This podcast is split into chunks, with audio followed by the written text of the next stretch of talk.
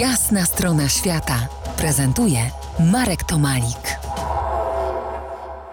Dziś moje wspomnienia podróży nad Bajkał. Właściwie to miejscowi nazywają go morzem i to nie jest na wyrost. Bajkalskie Morie ma ponad 600 km długości i w porywach 80 km szerokości. Jest najstarszym i najgłębszym jeziorem na świecie, a pod względem powierzchni drugim jeziorem w Azji i siódmym na świecie. To tak w liczbach i skalach. Największa głębokość jest prawie na wysokości wyspy Olchon, tej na Bajkale wyspy największej.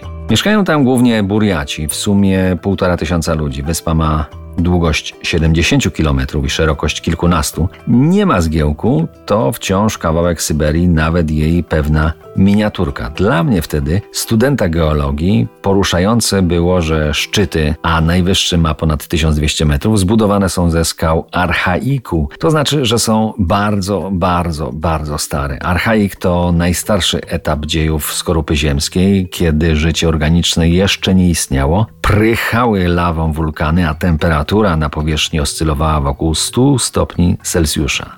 To, co mnie w tam najbardziej urzekło na tej wyspie Olchon, to ostra granica między stepami i tajgą, jakby ją człowiek brzytwą stworzył, tycząc kolejne państwo. Można niemal tę naturalną granicę wziąć między nogi, jedna noga będzie na stepie, a druga niemal w tajdze. Ale nie po to przyjechałem tam ze swoimi rosyjskimi towarzyszami podróży. Oni mieli chrapkę na coś innego. Na omula bajkalskiego. Nie amura, tylko omula. To endemiczny, czyli występujący wyłącznie w Bajkale gatunek rodziny łososiowatych, ryba ceniona za walory smakowe w tych najlepszych restauracjach zachodniego wtedy świata. Nie da się go złapać na wędkę, bo żyje na głębokości 400 metrów. Można go złapać wyłącznie do sieci, a do tego potrzeba dobrze wyszkolonych rybaków. Tam wtedy działały dwa przedsiębiorstwa rybne, ale sprzedaży nie prowadziły. Czarny rynek też nie bardzo działał, zresztą był poza naszym zasięgiem. Za jedną rybę chcieli flaszkę, czyli pół litra wódki, a tam wtedy wódka, jak u nas wcześniej, była na kartki. Jednakże Kostia i jego kompanie mieli plan B. Nie zostałem o nim poinformowany wcześniej, w szczegółach powiedzieli mi tylko, abym nie mówił po rosyjsku, tylko jeśli już po polsku. Złapałem.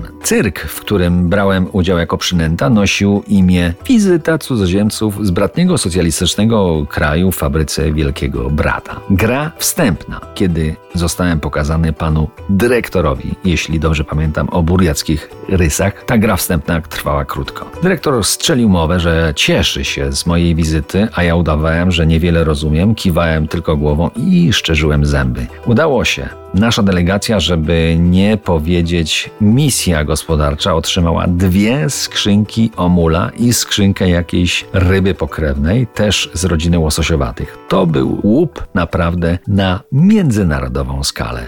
Za kilkanaście minut zapraszam na ciąg dalszy moich bajkalskich wspomnień. To jest jasna strona świata w RMS Classic.